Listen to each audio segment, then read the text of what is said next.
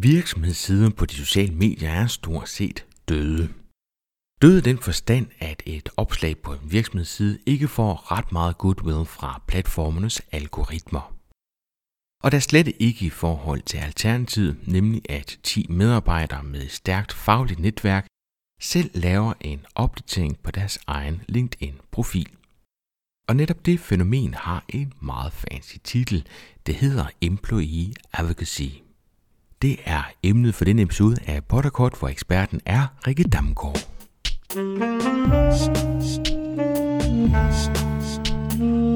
Velkommen til Potterkort, en podcast om markedsføring på internettet. Din vært er Ip Potter.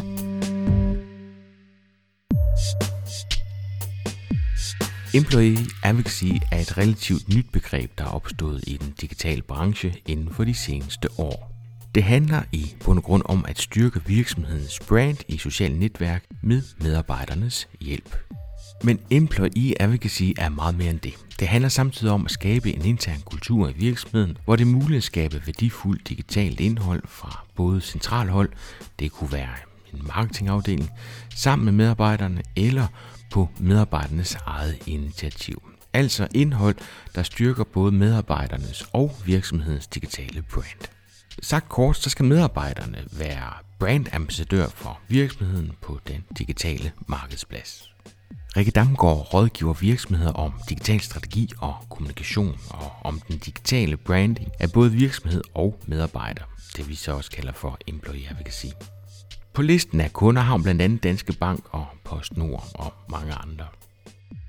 Og så har Rikke skrevet bogen øh, Giv ordet til medarbejderne. I bogen får du værktøjer, råd og inspiration til, hvordan du kan arbejde med employee advocacy i din virksomhed.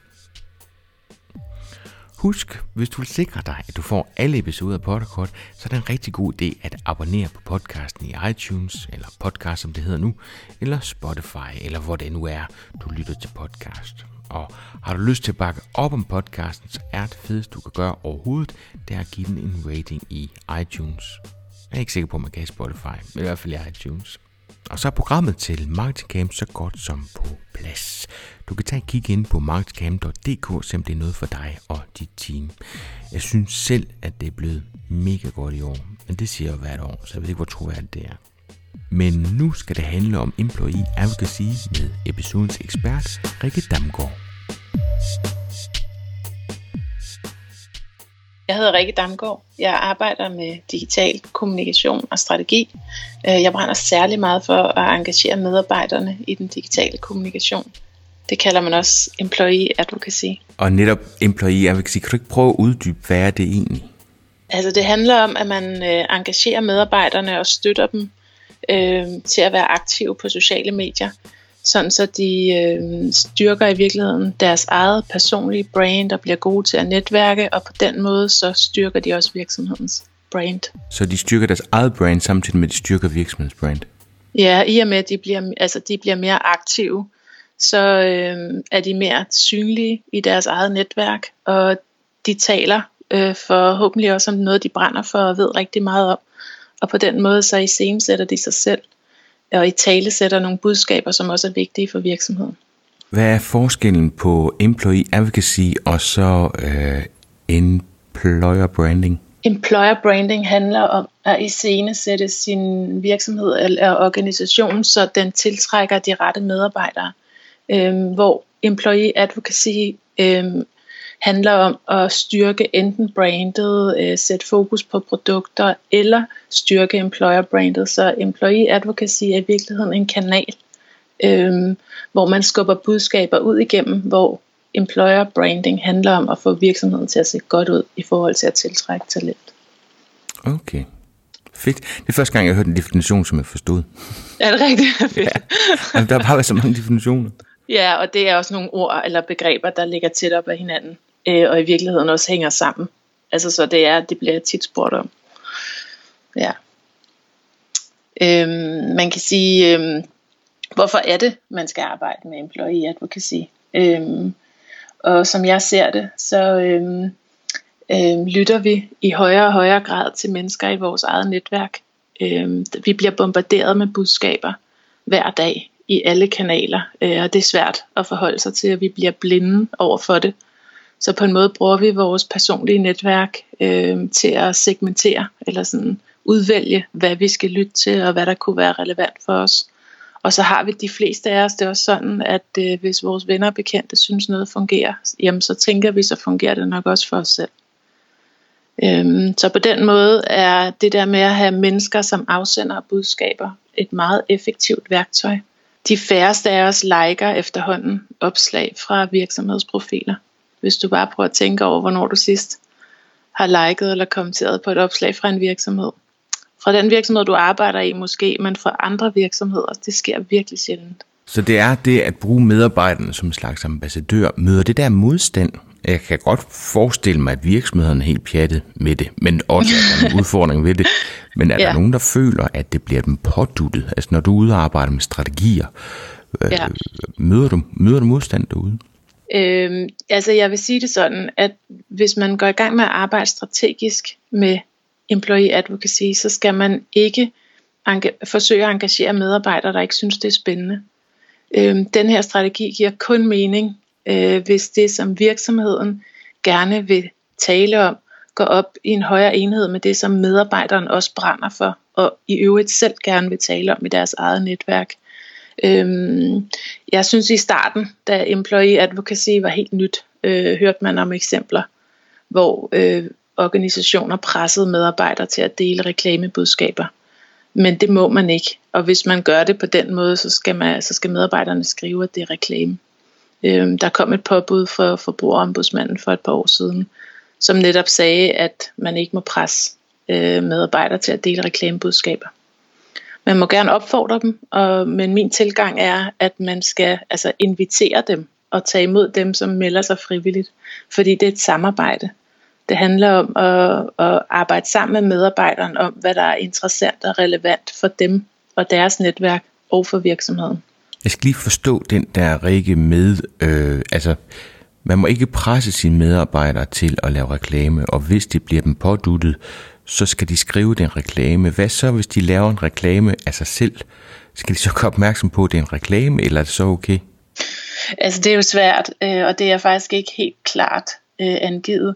De skal altid på deres profiler angive, hvor de arbejder henne, og man kan også være meget tydelig at skrive, at når jeg skriver på LinkedIn for eksempel, så skriver jeg med udgangspunkt i mit job øh, hos den og den virksomhed.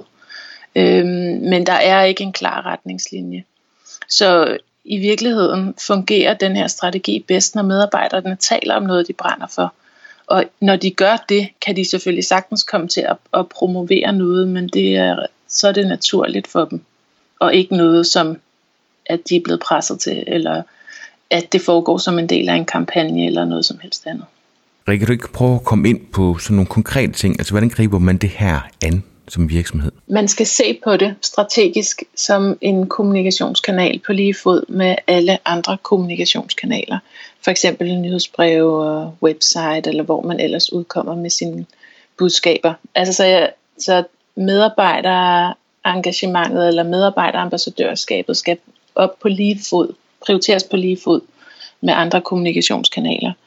Øhm, og det betyder også, at man skal gå strategisk til værks, når man begynder at arbejde med employee advocacy. Og man skal overveje, hvorfor man gerne vil have medarbejderne engageret i sin kommunikation. Øhm, og der kan være mange forskellige årsager til at gøre det. Det kunne være, som vi snakkede om i starten, at man gerne vil styrke sit employer brand. Det kan også være, at man gerne vil styrke sit brand generelt Øhm, at man gerne vil være thought leader i sin branche, at man gerne vil styrke salget. Øhm, så der er mange forskellige formål, men man skal gøre sig bevidst om, hvorfor man gør det, sådan så medarbejderne ved, hvorfor de skal engagere sig, og hvordan, hvad det er for nogle budskaber, de kan være med til at i talesætte. Fordi hvis man ikke øh, sætter scenen for dem, så gør de ofte ikke noget, for de ved ikke, hvad de skal hjælpe med. Og de ved ikke, hvornår de gør noget rigtigt og noget forkert. Vil du sige, når man er nået dertil, hvor kollegerne de er med på, hvad, hvad det er, de kan bidrage med og hvordan, så mm. bør det komme i en marketingplan på lige fod med alle de andre kanaler, som man er gang i. Er det det, du tænker? Ja, ja, det er det, jeg tænker, og man også måler på det på samme måde, som man måler på andre øh, kommunikationsindsatser. Men øh. kan man måle på det, Rikke? Altså, jeg har lavet en kampagne, hvor øh, det netop gik på, at vi skulle have medarbejderne til at, at lave egne opslag, fordi det er det, der er bedst i forhold til algoritmen ja. på for eksempel LinkedIn. Ja. Og prisen er, at, at det er svært at, øh, at samle tallene at godt samle noget, så man kan få en fornemmelse af, hvor mange medarbejdere har postet det på deres væg, hvor mange likes har de fået til sammen, hvor mange kommentarer har de. Men i virkeligheden så ligger guld jo i, at de når ud til deres netværk, og når vi så når ud i andet led, så har jo ikke tallene længere og har svært ved at samle Nej. det. Så ja. hvordan måler man på det? Ja, men det er svært.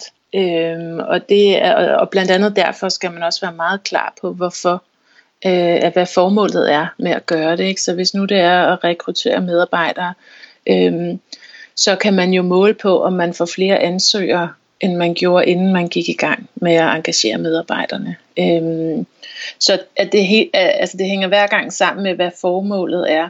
Øhm, hvis det er øhm, at få mere trafik til, til websitet, eller flere følgere til LinkedIn-profilen. Øhm, det der med at blive konkret i, Mm. hvorfor vi gør det, og hvordan man så måler det. Men jeg er enig med dig i, det er svært. Og det er heller ikke øh, alle virksomheder, jeg støder på, som egentlig føler det meget store behov for at gå i detaljer med tallene. Altså de har indikationer, øh, enten fra de tools, de bruger, øh, fra rapporter eller tal, som medarbejdere rapporterer tilbage til dem, øh, hvor mange har set, hvor mange er nået til, hvor mange kommentarer, som du siger, er der kommet på et opslag. Og de kan også have samtaler, altså interne surveys med deres medarbejdere, fordi der også er nogle meget store interne effekter af at begynde at engagere medarbejderne. Og medarbejdernes egen oplevelse af, at de bliver kontaktet oftere, øh, for eksempel hvis de er blevet mere aktive på LinkedIn, øh, at de får flere kommentarer eller relevante spørgsmål osv. Ikke? Så, så din pointe er, at det er fordi, når du siger mål, så er jeg jo straks ned og vil være meget præcis. I virkeligheden, ja. så, så er det jo rigtig vigtigt, at vi har det her afklaret fra starten af, at vi netop ikke kan måle på alt. Plus, at jeg tror, der er noget langsigtet i det her. Altså, der er mange af de her ting, som ikke giver pote med det samme, men hen over tid, når man bliver ja. ved med at blive eksponeret for nogle gode budskaber via ens medarbejder, så, ja. så giver det bare en helt anden fornemmelse. Så det med at være enige om, at man kan måle på nogle af tingene, men der er også noget, man ikke kan måle på, eller i hvert fald ja. ikke sådan helt præcist, ikke? Jo, præcis. Altså, at, at, det, at det at arbejde med employee, at du kan se, har mange forskellige effekter, Øhm, selvom man er meget klar om, at det her handler om at styrke brandet, så ser jeg tit, at en afledt effekt er, øhm, at der er en større autenticitet, øhm, at der kommer en større fællesskabsfølelse internt, og nogle virksomheder rapporterer også, at de oplever, at de er bedre til at fastholde deres medarbejdere. Af den årsag, fordi at fællesskabsfølelsen øh, bliver formidlet mere tydeligt, selvom det er eksternt og netop fastholdelse af, af medarbejdere kommer til at fylde rigtig, rigtig meget. Vi snakker alle sammen rigtig meget om rekruttering og hvor svært det er at få de rigtige, men i virkeligheden så ligger der rigtig meget guld i at fastholde de rigtige kompetencer, fordi ja. der, er, der er mange ombud, ikke? Jo, præcis. Hvad er det for ja. nogle medarbejdere, vi skal have, have fat i, som, som kan løfte den her opgave? Det er forskelligt, vil jeg sige, alt efter hvad for en strategi man vælger, og alt efter hvad for en type medarbejder man har i sin organisation. Øhm, jeg har ikke stødt på to virksomheder, der arbejder med employee advocacy på samme måde. Øhm, men altså som det første sådan gode råd, jeg kan give, det er, at de medarbejdere, der er motiveret og interesseret i at blive mere aktive i deres sociale netværk, det er dem, der er lettest at gå i gang med at samarbejde med, fordi de vil gerne, og de har ofte også noget på hjerte. Øhm, så kan man sige, at øh, der, man kan have ildsjæle i sin organisation, altså medarbejdere, som virkelig brænder for det, de laver, og som måske allerede udkommer med indhold. Øhm, de har muligvis brug for en lille smule hjælp til at blive lidt mere sådan strategiske i, hvad de taler om, hvornår øh, osv.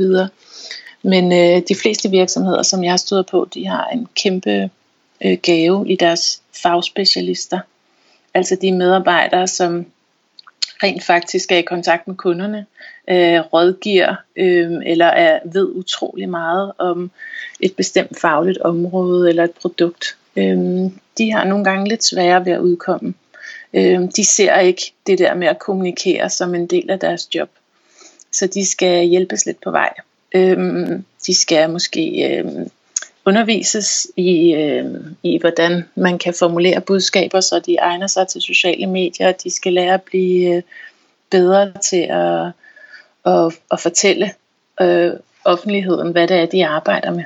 Øh, tit føler de ikke, at de ved mere end deres kollegaer, så de kan ikke altid lige forstå, hvorfor de netop skal sige noget om deres fag, men det har en meget stor effekt, hvis de begynder at gøre det. Så din anbefaling, i stedet for at man ligesom tvinger hele virksomheden til at gennemgå nogle kurser, mm. så tager man fat i nogle ildsjæle, men der er vel også forskel på, du kan godt have en, der er fagligt dygtig, men som ikke er ret god til at formidle. Omvendt så kan yeah. du have en, som egentlig ikke er, er den, den dygtigste lige inden for sit fag, men som er øh, fænomenal til at stille sig op og sige noget for nogle andre, øh, og, eller lave opdatering eller små artikler, som i virkeligheden er mere gavnlige for målgruppen. Ja, altså så derfor er der jo også utrolig mange versioner af, hvordan medarbejdere kan blive mere aktive. Altså for nogen giver det mening at dele, øh, videredele artikler inden for deres eget område, og det kan være både noget, som virksomheden de arbejder for har skrevet eller produceret, og det kan også være noget, som uden for virksomheden. Men det der med, at de iscenesætter sig selv, som eksperter inden for et fagligt område er et meget stort plus for virksomheden. Øhm, og så er der selvfølgelig medarbejdere, som, som, ikke, altså, som har, ser det som det nemmeste i verden, enten at skrive, eller tage billeder, eller lave videoer. Øh, og det er, er også en kæmpe gave for virksomheden, men, øhm, men det skal jo så struktureres en lille smule, hvis det skal give mening for begge parter kan vi, øh, vi er næsten nødt til at snakke kanaler, for jeg kan mærke, at jeg sidder hele tiden og tænker LinkedIn, og det kan da godt være, ja. det er forkert. Hvilke kanaler ser du øh, er gode for medarbejdere at bruge i øh, Empire, ja. vil sige? Altså det er ofte LinkedIn, som jeg støder på, når jeg kommer ud til virksomheder, men det tror jeg først og fremmest handler om, at det er den platform, som virksomheder tør øh, at blande sig i, kan man sige, i forhold til medarbejderne. Fordi i virkeligheden er den her strategi ikke afhængig af, hvilket medie medarbejderen bruger. Hvis jeg skal kigge på det sådan helt objektivt, så, så er det medarbejderens eget valg, hvor de vil kommunikere deres øh, faglighed og passion henne. Det kan lige så godt være på Instagram, eller på Facebook, eller ja, på LinkedIn, Twitter. Det er ligegyldigt i virkeligheden, fordi det, det der er det vigtigste for, at den her strategi fungerer, det er egentlig, at medarbejderen taler om øh, noget, som han eller hun brænder for, og det kommer ud til hans netværk. Øh, fordi hvis man prøver at presse det ned i nogle kanaler, hvor det ikke føles naturligt for medarbejderen, så er det ikke sikkert, at det kommer til at fungere. Den del kan jeg godt følge dig i, men jeg tænker, hvis nu jeg tager mig selv som eksempel, hvis jeg laver noget på Facebook, så vil det jo være mine forældre, dem jeg er gået i skole med, dem ja. jeg laver sport ja. med. Det, det, ja. dem er ja. ikke så mange af. Øhm, men, men det er jo et personligt netværk, jeg tænker ikke, det har samme værdi som LinkedIn, hvor det mere er et personligt fagligt netværk. Det vil sige, dem jeg connecter med der, de ved godt, hvad det er, jeg arbejder med, og de ved også godt, hvad jeg står for. Så, ja. så det kan jo ikke være helt lige meget. Nej, det, nej, men det er ikke helt lige meget. Øh, og det er jo en del af den strategi, man ligger til at starte med. Hvad det er for nogle øh, medarbejdere og budskaber, og hvilke kanaler selvfølgelig de også er relevante i. Men min pointe er bare, at det ikke nødvendigvis er virksomheden skal forholde sig til mediet. Øhm, jeg har set for eksempel øhm, i øh, Zoologisk Have har de en dyrepasser, som øh, deler billeder af dyrene og hans arbejdsdag på Instagram, og det fungerer helt fantastisk. Og selvfølgelig er det fordi, at øh, det indhold, han deler, gør sig godt på Instagram og har en bred øh, målgruppe, øh, som kan være modtager af det her budskab. Ikke? Og jo mere nørdet fagligt nørdet man bliver ved at sige, øh, det jeg laver for eksempel, øh, skriver artikler om digital kommunikation, det gør sig allerbedst på LinkedIn. Øh, så jeg har, jeg har set nogle super flotte eksempler på employee advocacy, hvor det både var YouTube, Instagram og også LinkedIn, som var gode kanaler. Øhm, så det afhænger af virksomhed og medarbejdere, øh, af alder, øh, hvad det er, de vil tale om osv. Og netop det der med, hvad de skal tale om, hvad, hvad er det for en type opdateringer? Hvad er det, vi skal øh, inspirere dem til at gå ud og dele? Hvis det skal være helt i den perfekte verden, så skal de jo selvfølgelig tale om det, de selv brænder for. Og i det tilfælde, hvor det går op i en højere enhed med virksomhedens vision, så giver det rigtig god mening både for medarbejderen og for virksomheden. Øhm, og jo mere vi nærmer os altså noget passioneret indhold, altså nogle passionerede emner at tale om, jo, jo større mening og jo større effekt har det. Øhm, jeg tænker, jeg har for eksempel i den bog, jeg har udgivet, en case med om Unisport. Øh, og i Unisport, der kan man ikke arbejde, hvis ikke man elsker fodbold. Og de formår i deres kommunikation at, at skabe øh, et netværk eller en bevægelse omkring det at elske fodbold. Øhm, og hvis man kan skabe sådan et afsæt, så har, øh, så har man øhm, medarbejdere og kunder og virksomhed noget at tale om i fællesskab, som alle brænder for. Og der giver det rigtig god mening for alle. Det med at behandle employee advocacy som kommunikationskanal, det var dit, mm. dit første punkt. Altså, mm. at vi ligesom får det tænkt ind på lige fod med alt det andet, som vi løber rundt og, og laver. Og så yeah. det der med at starte med de medarbejdere, som er first movers, eller som er som allerede er delvis øh, motiveret. I hvert fald starte med dem. De går vel også hen og bliver sådan nogle forgangsfolk, så kan det være, at de kan få nogle andre med. Altså, hvis, hvis de kan gøre det, så, så vil ja. jeg også kunne gøre det, ikke? Ja, præcis. Og så det sidste, det var det der med, hvad er det så, man skal snakke om? Og, og der gælder om at, igen at tage fat i ildsjælene og få dem til at snakke om noget, som, som de brænder for. Ja, altså det er den faglige passion, øh, eller passionen for ens arbejdsliv. Det er grunden til, at man går på arbejde hver dag, hvis man kan hvis man kan tale om den og dele ud af den viden og ekspertise, man har, så giver det virkelig god mening, både for medarbejderne og virksomheden.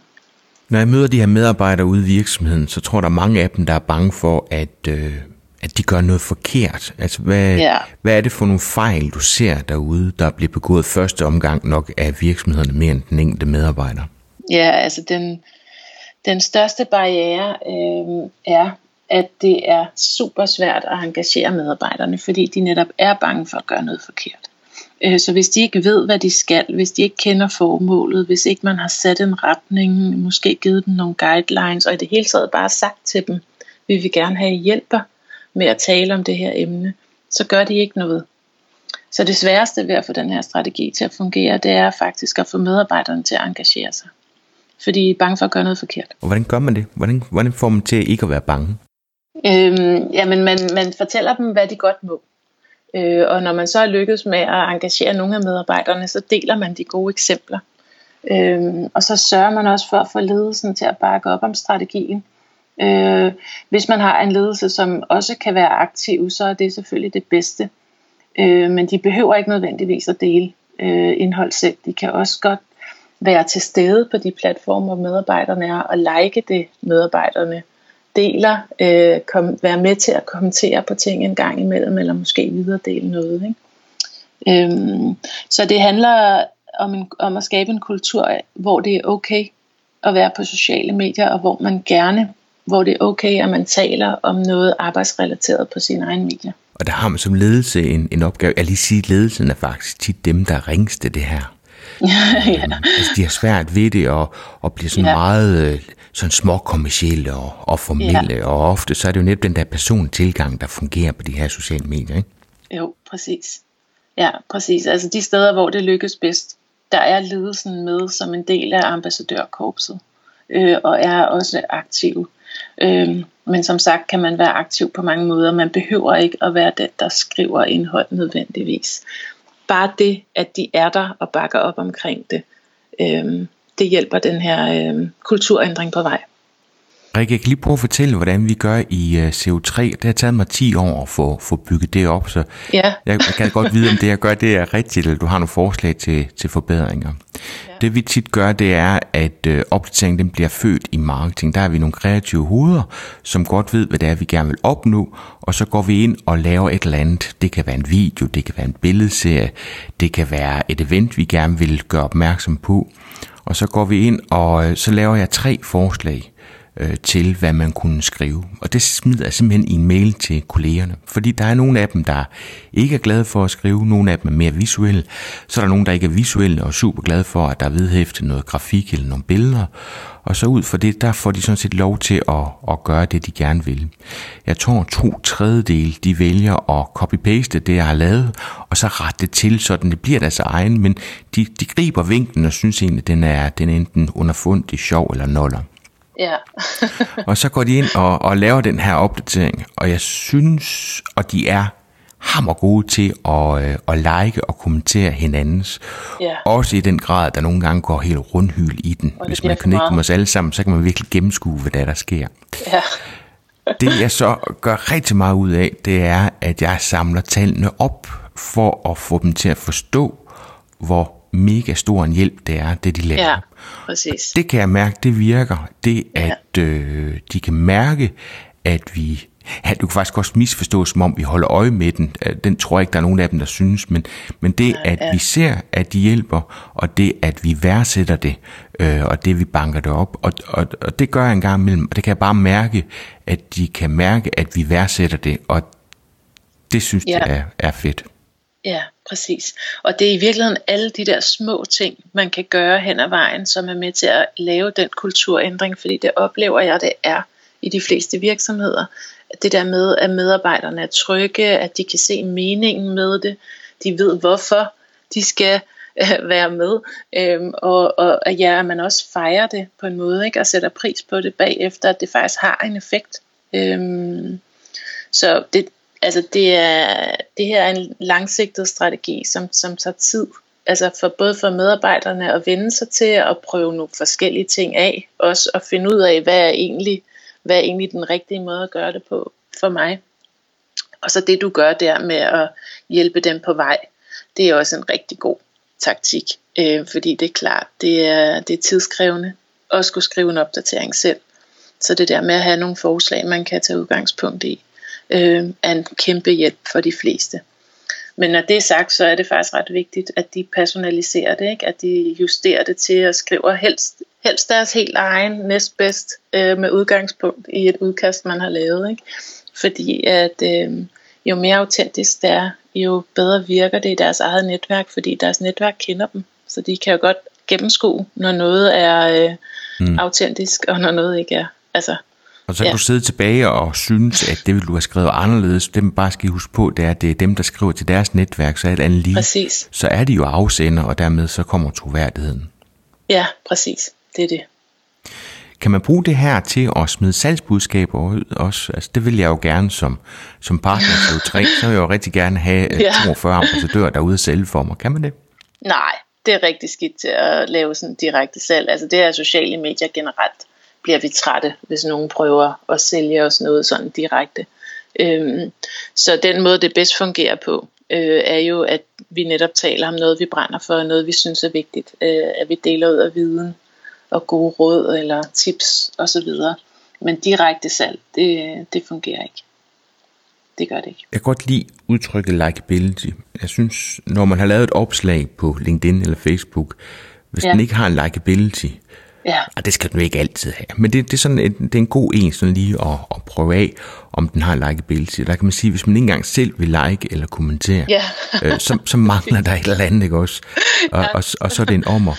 Og, og når jeg snakker med mine medarbejdere, så gør jeg rigtig meget ud af, hvis der på noget som helst tidspunkt er noget, der ikke føles rigtigt i maven, så lad være. Altså, det kan simpelthen ikke betale sig. Ja. Øh, der kommer ikke noget godt ud af det. Nej, præcis. Det er lige før, det gør det værre, ikke? Fordi så bliver det jo spam, ligesom alt, alle andre marketingbudskaber, vi bliver ramt af hele tiden, ikke? Og det bliver vi blinde over for lynhurtigt. Øhm, så det er faktisk ret vigtigt, at medarbejderne får lov at være sig selv. Øhm, ellers så mister de troværdigheden.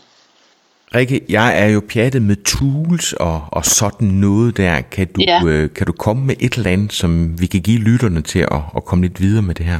Altså, øhm, jeg har lavet en test, øhm, hvor man kan teste, hvor parat man er øh, som virksomhed til at begynde at arbejde med employee advocacy. Og den kan også sagtens bruges, hvis man er i gang. Øh, den skitserer otte forskellige parametre, som man kan arbejde på at forbedre, øh, hvis man gerne vil være rigtig dygtig til employee advocacy. Den ligger på mit website, rikkedamgaard.dk. Øh, der er link direkte fra forsiden. Og så linker vi lige til den fra, fra podcast-episoden også.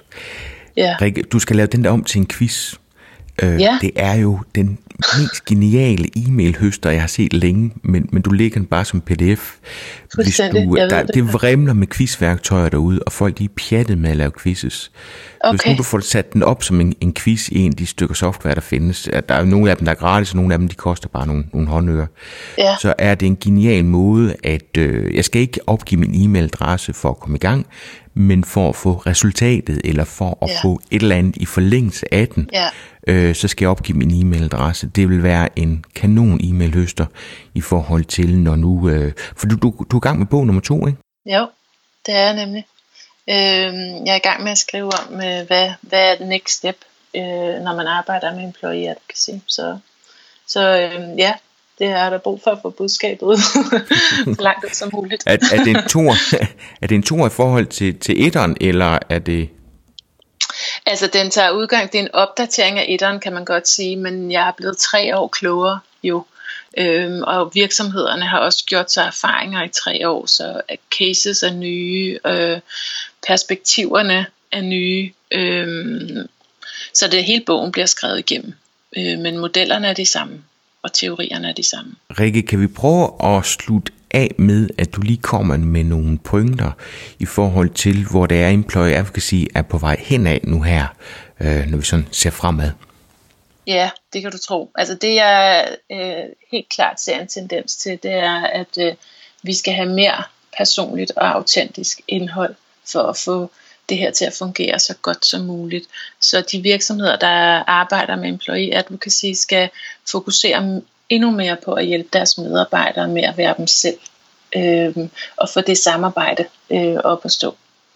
Og så kan man sige, at øh, der er sket en bevægelse. Øh, for tre år siden var virksomhedsprofilen på LinkedIn for eksempel stadigvæk det vigtigste for virksomheden.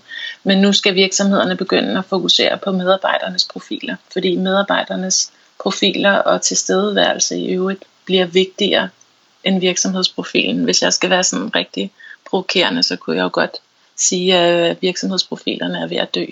I hvert fald i den forstand, øh, som de har fungeret på tidligere. Øh, og så kan man sige, at det kommer til at handle mere om øh, at have dialog, altså at facilitere faglige fællesskaber nu brugte jeg Unisport som eksempel tidligere, men det der med at være passioneret omkring fodbold for eksempel, eller ligesom Zookeeper Guy er passioneret omkring sine dyr, eller ja, jeg er passioneret omkring digital kommunikation. Hvis man kan øh, deltage, få sine medarbejdere til at engagere sig og deltage, eller måske endda sætte sig for bordenden i sådan nogle faglige fællesskaber, så, øh, så kommer man til at få stor succes med det, er jeg sikker på.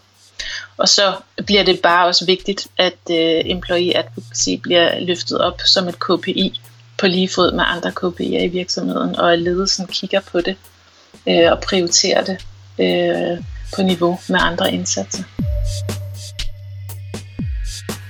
Boom. Altså, start med at tage fat i medarbejdere, der har lyst til at styrke deres personlige brand. Betragt Employee Advocacy på lige fod med de andre marketingelementer, du har gang i, og få det så ind som et KPI for din virksomhed. Ene gode sager. Vi høres ved.